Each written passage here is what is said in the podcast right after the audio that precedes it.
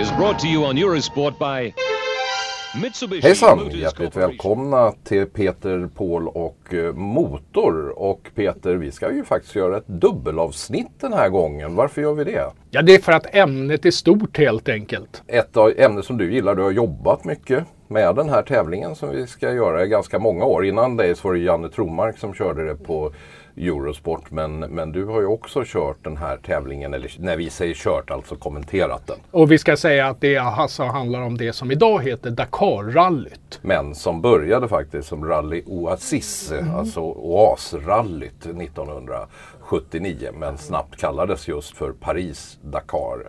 Men man har ju tävlat från många olika ställen. Allt det här ska vi gå igenom och sen ska vi också gå igenom i den andra delen de som har varit med, de stora namnen och så vidare.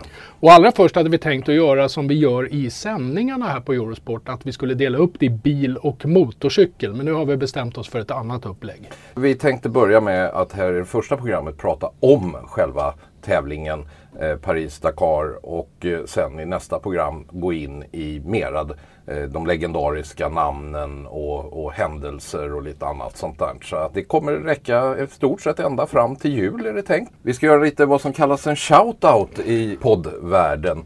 Nämligen vi ska ge lite beröm till en kille som heter Stefan Ljungvall som eh, faktiskt blev den första att skriva in på Peter, Paul och och motor. Och han eh, hade lyssnat på vårt avsnitt eh, om eh, modellbilar och annat som vi höll på med. Och påminde att det fanns, faktiskt fanns faller också. Som var lite speciellt. De var tänkt att de skulle köra tillsammans med i H0-skala, alltså skala 1 till 87. Men eh, man fick problem med tillverkningen så det blev lite större. Eh, väldigt snygga måste jag säga faktiskt. Att Faller skulle vi nämna också bland det här med Scalectric. och och Märklin. Och jag måste också angående den sändningen just om modeller och bilbanor göra en rättelse av mig själv. Jag sa att Märklin Sprint hade mindre skala än Scalextric och att de kanske var 1.36. Det är de inte. De är skala 1.32 men rent fysiskt när du ställer dem bredvid varandra så är de mindre. Möjligen är de lite mera skalriktiga. Antagligen, det är ju tyskt jämfört med britter. så att om vi nu ska ha lite fördomar om olika eh, nationalkaraktärer och så. Men Stefan var den första att skriva in. Det får ni gärna göra. Vi tycker om när ni hör av er. Han har några idéer till program också, men det får vi återkomma till när, när vi har det. Och adressen är Peter, Paul och motor at gmail.com. Men Peter, då ska vi börja med lite om bakgrunden till Paris-Dakar. Och det är några saker man ska titta på när det gäller så. Att man har kört långlopp, ja men det har man väl egentligen gjort så länge det gick att börja köra bilarna ute i terrängen. Jag skulle gissa efter första världskriget någon gång. Ja, till och med innan, alltså sån Paris-Peking 1907 och sånt. Men det är ju betydligt mer äventyr än tävling. För att förstå hur en sån här tävling kommer till så måste man faktiskt börja med att titta lite på fransk kultur och den franska nationalsjälen. Vi är ganska olika i Norden. Vi brukar tycka att fransmännen är lite speciella och de tycker säkert att vi är fullständigt lika speciella som de tycker. Men det är några grejer. Jag har ju jobbat i Frankrike och jag har en väldigt förkärlek för fransk mat om inte annat. Men man måste vara medveten när det gäller Frankrike att man är inte fransk man aspirerar att bli det. Det är någonting att uppnå. Det är liksom, hela livet går ut på vad fransmännen kallar l'art de vivre, det vill säga konsten att eh, leva livet. Det leder in på det här ämnet. Men bara för att visa, liksom, om man tar ett exempel när det gäller mat då, så är det ju så att en fransman tvekar inte en sekund att lägga ner 100% mer arbete för att få någonting att bli bara lite godare. Bara för att bara för att man kan. Men en av de saker som återkommer i, i Frankrike det är det här det stora äventyret, att göra någonting. Det är inte en slump till exempel att de flesta stora ensamkappseglarna som tävlar idag, som seglar jorden runt, där man seglar liksom en 30 meters båt själv runt jorden, de är fransmän. Och det har varit väldigt mycket i det här franska att man ska göra det här stora äventyret. Så det är liksom en sak man ska ha med sig när det gäller Frankrike. Och fransmän har ju också, har ju vi sett här på Eurosport inte minst, att de är väldigt bra på att uppfinna nya sporter sporter. Och det är ofta sporter som är baserade på äventyrlighet. Fransmännen gillar det där, det stora äventyret. Och det, ju, det, kan man ju förstå då varför, hur vi nu leder in mot det vi har. Men sen måste man då vara medveten om att 70-talet var dels en del, alltså man startade ju det som hette då Whitbread Round the World Race. Som har sen hetat Volvo Ocean Race och idag heter Ocean Race. Så startades flera långlopp för bilar bland annat. Och dessutom så fanns det på 70-talet ett intresse i Europa runt Afrika och den afrikanska kulturen. Bland annat så Ginger Baker körde en Range Rover ifrån Algeriet ner till Lagos 1971 bara för att han ville bygga en studio och jamma med en kille som heter Fela Kuti som är en nigeriansk väldigt känd musiker. Och Paul McCartney spelade ju in sin band on, klassiska Band on the Run-platta i Lagos 1971 1973. Så det fanns ett intresse och då började det dyka upp också då tävlingar. Så att, eh, och 1974 så körde man en tävling som heter London Sahara München som vissa säger är den första tävlingen där man verkligen tävlingskörde i Saharaöknen. Det som leder fram till varför Dakar, eller Paris-Dakar-rallyt kom till. Det heter, ibland på svenska heter det Bandama-rallyt eller Côte Côte, alltså kust till kust. Och det var en tävling som en kille som heter Bertrand startade 1975. Där man startade i Abidjan på Elf eh, Elfenbenskusten. Och eh, Abidjan är faktiskt den sjätte, det visste jag faktiskt inte, men det, var, det är faktiskt den sjätte största staden i Afrika. Det är bara Lagos, Kairos, Kinshasa, Dar el-Salaam och Johannesburg som är större. Så den är inte så känd, men man har faktiskt 6,5 miljoner invånare där. Så det är, det är, en ganska stor stad. Och då körde man dels, egentligen så körde man en del då baklänges. För att man körde upp via Elfenbenskusten, det som då hette Övre Volta, idag heter det Burkina Faso Faso, Niger, Algeriet, Marocko. Sen tog man båt till Spanien och så körde man upp till Nice där målet var. Och där gjorde man då en andra tävling. Och i den tävlingen så deltog en fransk äventyrare som heter Thierry Sabine. Ja, som vi kommer att prata mycket om. Jag vet inte om vi eh, kommer att prata mer om honom i del två eller om vi ska börja redan nu. Ja, vi kan ju börja med vad han var innan det blev Paris-Dakar i alla fall. Ja, han var både motorcykelförare och bilförare, kanske mest framgångsrik i bil. Ja, han var ju trea i GT-klassen i Le Mans 1975 till exempel. Ja, och även tvåa i det som heter Tour de France för bilar, som inte alls har med cykeln att göra. Och han deltog ju då i den andra upplagan av det här Bandama-rallyt och körde vilse. Körde motorcykel ska vi säga också. Ja, definitivt. Och han körde rejält vilse. Ordentligt. Han var borta i tre dagar och två nätter i den libyska öknen. Och jag kan inte tänka mig att det var vitsen att man överhuvudtaget skulle komma in i Libyen. För Libyen var inte direkt öppet på den tiden. Och bansträckningen gick definitivt inte genom Libyen. Men så till slut så lyckades han komma tillbaka. Och då kan man ju tycka att nej, det där tänker jag inte göra om. Men tvärt, då blev det tvärtom. Han blev kär i Sahara och tänkte att vi ska köra ett rally från Europa och sen ville han köra till Dakar i Västafrika i Senegal.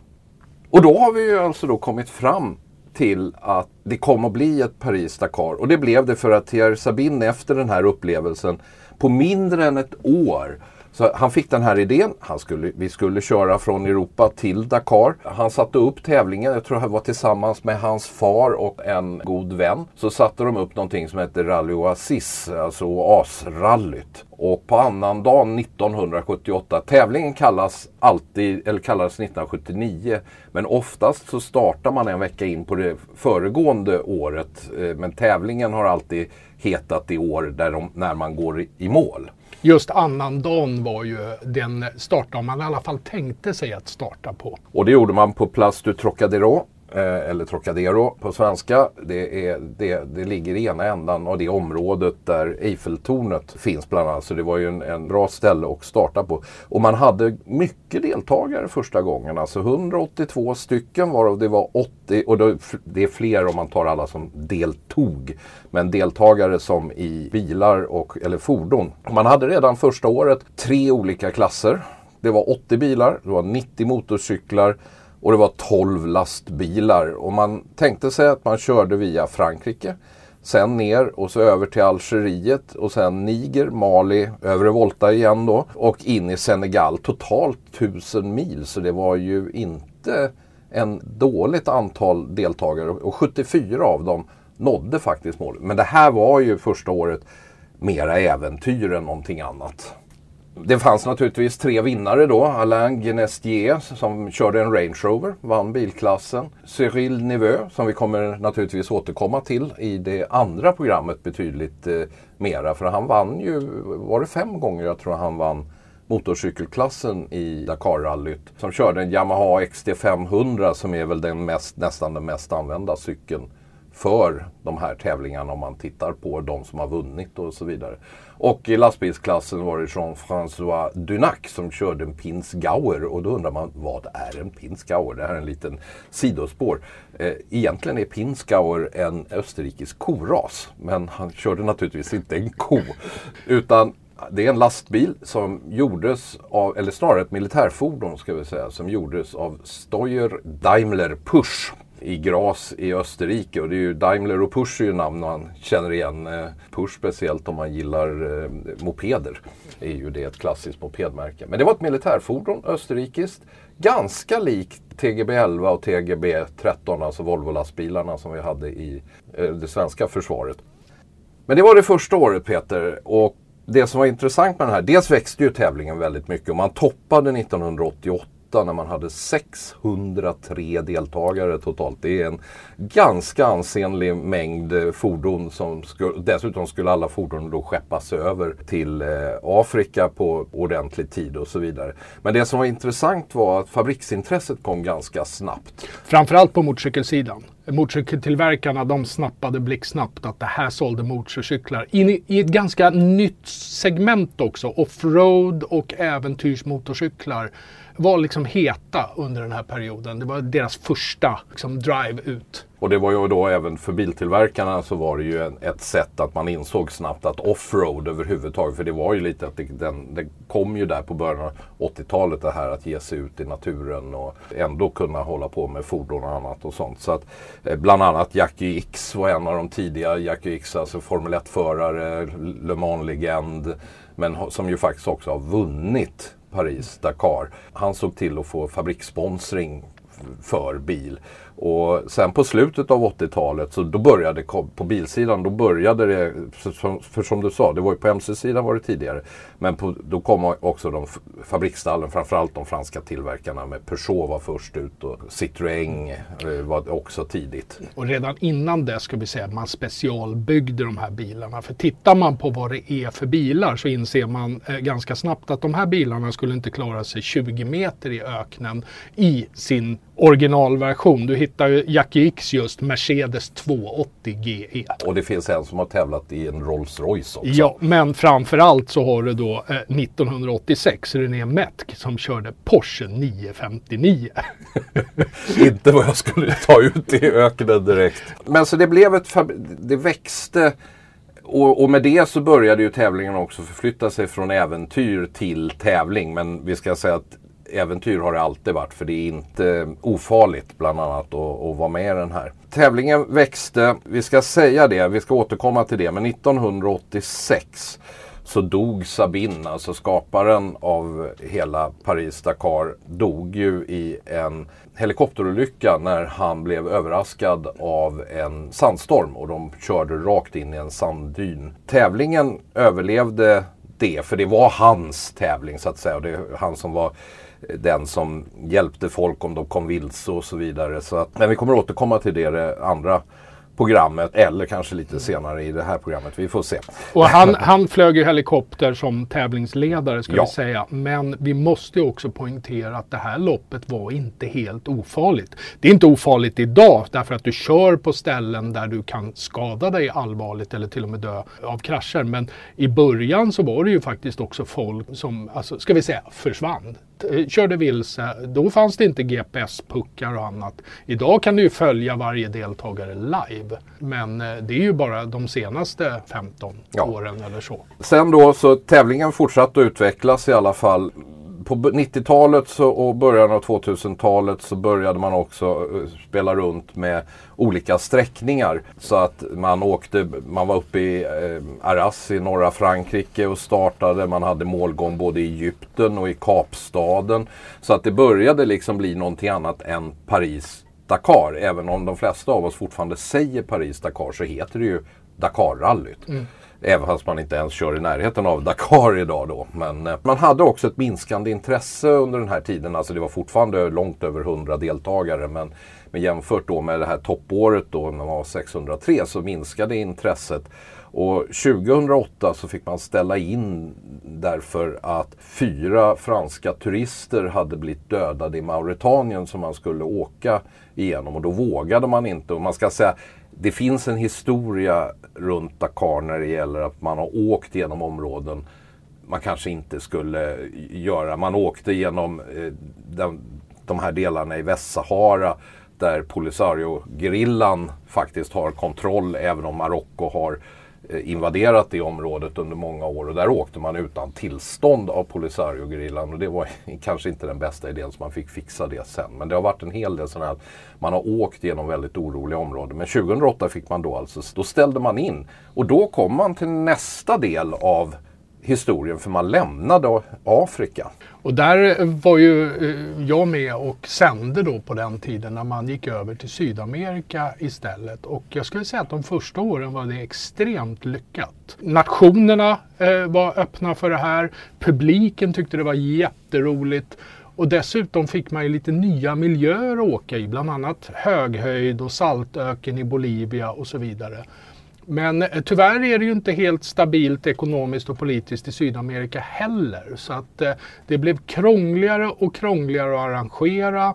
Något år körde man ju bara en veckas racing istället för de normala två veckorna. Och eh, det vart färre och färre länder som var, ville vara med. Man ville skydda miljön bland annat, vilket jag kan ha full förståelse för. Men också som sagt politiskt eh, motstånd. Och det gjorde ju då att man valde ju naturligtvis den minst kontroversiella platsen att flytta tävlingen till efter det. Då hamnar man i Saudiarabien och enbart i Saudiarabien. Och vi ska väl säga det till eh, med sportswashing och annat att Saudiarabien, alltså miljön de kör är ju fantastisk. Men eh, det känns lite tråkigt att, att hela racet går i Saudiarabien. Och då har vi egentligen kommit fram till hur situationen ser ut idag. Och om man då tittar lite på, vi ska i nästa program så ska vi gå igenom lite, alltså vi ska komma tillbaka till det här hur farligt den här tävlingen har varit. För det är faktiskt över 80 människor som har strukit med. Det är någonstans runt 40 förare. Ja, och 40... 78 har jag på min lista. Ja, men, men, det, det kanske kan... beror på lite hur man räknar. Ja, det är publik och annat. Ja, 32 är... deltagare i alla fall är det som har omkommit. Däremot har det också under åren varit mycket skador. Även på våra svenska deltagare. Som... Så de ska vi också till, komma tillbaka i nästa program. Men jag ska säga att det finns faktiskt lite kulturhistoria också. Det finns en hel del bra dokumentärer om hur det är att köra i Dakarrallyt och annat. Det kan ni hitta och den hittar ni säkert på Youtube dessutom så det behöver man nog inte leta rätt någon eh, streamingtjänst för att göra. Men det finns min första kontakt med Paris-Dakar på, på riktigt så att säga Eh, och det är ju inte på riktigt då. Utan då får vi faktiskt gå tillbaka först till 1966. På 60-talet så var, gick ju fransk film under den kallades den nya franska vågen. Och 1966 så gjordes en väldigt extraordinär film som heter En man och en kvinna. En kärlekshistoria av en kille som heter Claude Lelouch. Och eh, den blev väldigt framgångsrik. Men vad han gjorde då 20 år senare, och då kommer vi till varför den har med Dakar att göra. Så gjorde han en uppföljare som heter En man och en kvinna 20 år senare när man träffar på det här kärleksparet igen. Han, mannen i det här förhållandet, han körde lastbil i Dakar. Och det var första gången jag kom i kontakt med hela Dakar-kulturen var i den filmen. Och som en parentes sagt för er som gillar film så kom det faktiskt för några år sedan en tredje del i den här när vi möter dem eh, det här paret 54 år efter första gången de träffas när eh, Jean-Louis som heter föraren är på väg in i demens och annat. Men vill man se ett helt kärleksliv så finns det tre fina franska filmer man kan titta på. Ja, I min värld så dök Dakar upp redan från start 79. För det var ju samma år också som tidningen Bike lanserades i Sverige. Numera Sveriges näst bästa MC-tidning. Eftersom du håller på med den andra Allt stora MC. Men eh, de skrev ju tidigt om Dakar och om motorcyklarna i Dakar och så vidare. Och det var en tidning som jag läste flitigt när jag då var i, i eh, 16-årsåldern när den kom ut. Och det var lite om historien om eh, Paris-Dakar eller Dakarrallyt. Eller Rally Oasis som det alltså hette från början. Och när ni nu lyssnar på det här, om ni lyssnar där precis när det har kommit ut. Så kommer det ta om två veckor ungefär efter det att det här programmet släpptes så kommer det komma då den andra delen som kommer att handla lite om människorna som har tävlat i Dakar, svenskarna och lite några av upplagorna som har varit lite speciella. Men Peter, hur får man tag på oss? Jo, man mejlar oss på Peter, Paul och Motor i ett ord sammanlagt snabel gmail.com. Och det är där man kan eh, säga något snällt, man kan eh, säga något mindre snällt. Men vi vill gärna höra... Helst och- snällt. Helst snällt. Och så vill vi helst ha... Vi vill gärna få idéer. Vi har fått en fyra, fem intressanta upplägg som vi kan, kommer nog att eh, återkomma till i, i senare Vi har än så länge ingen brist på egna idéer heller, men det kanske kommer framöver, vem vet? Men så att vi har fått en del fina idéer som vi vill ha. Men tills vi hörs nästa gång, ha det så bra. Hej då!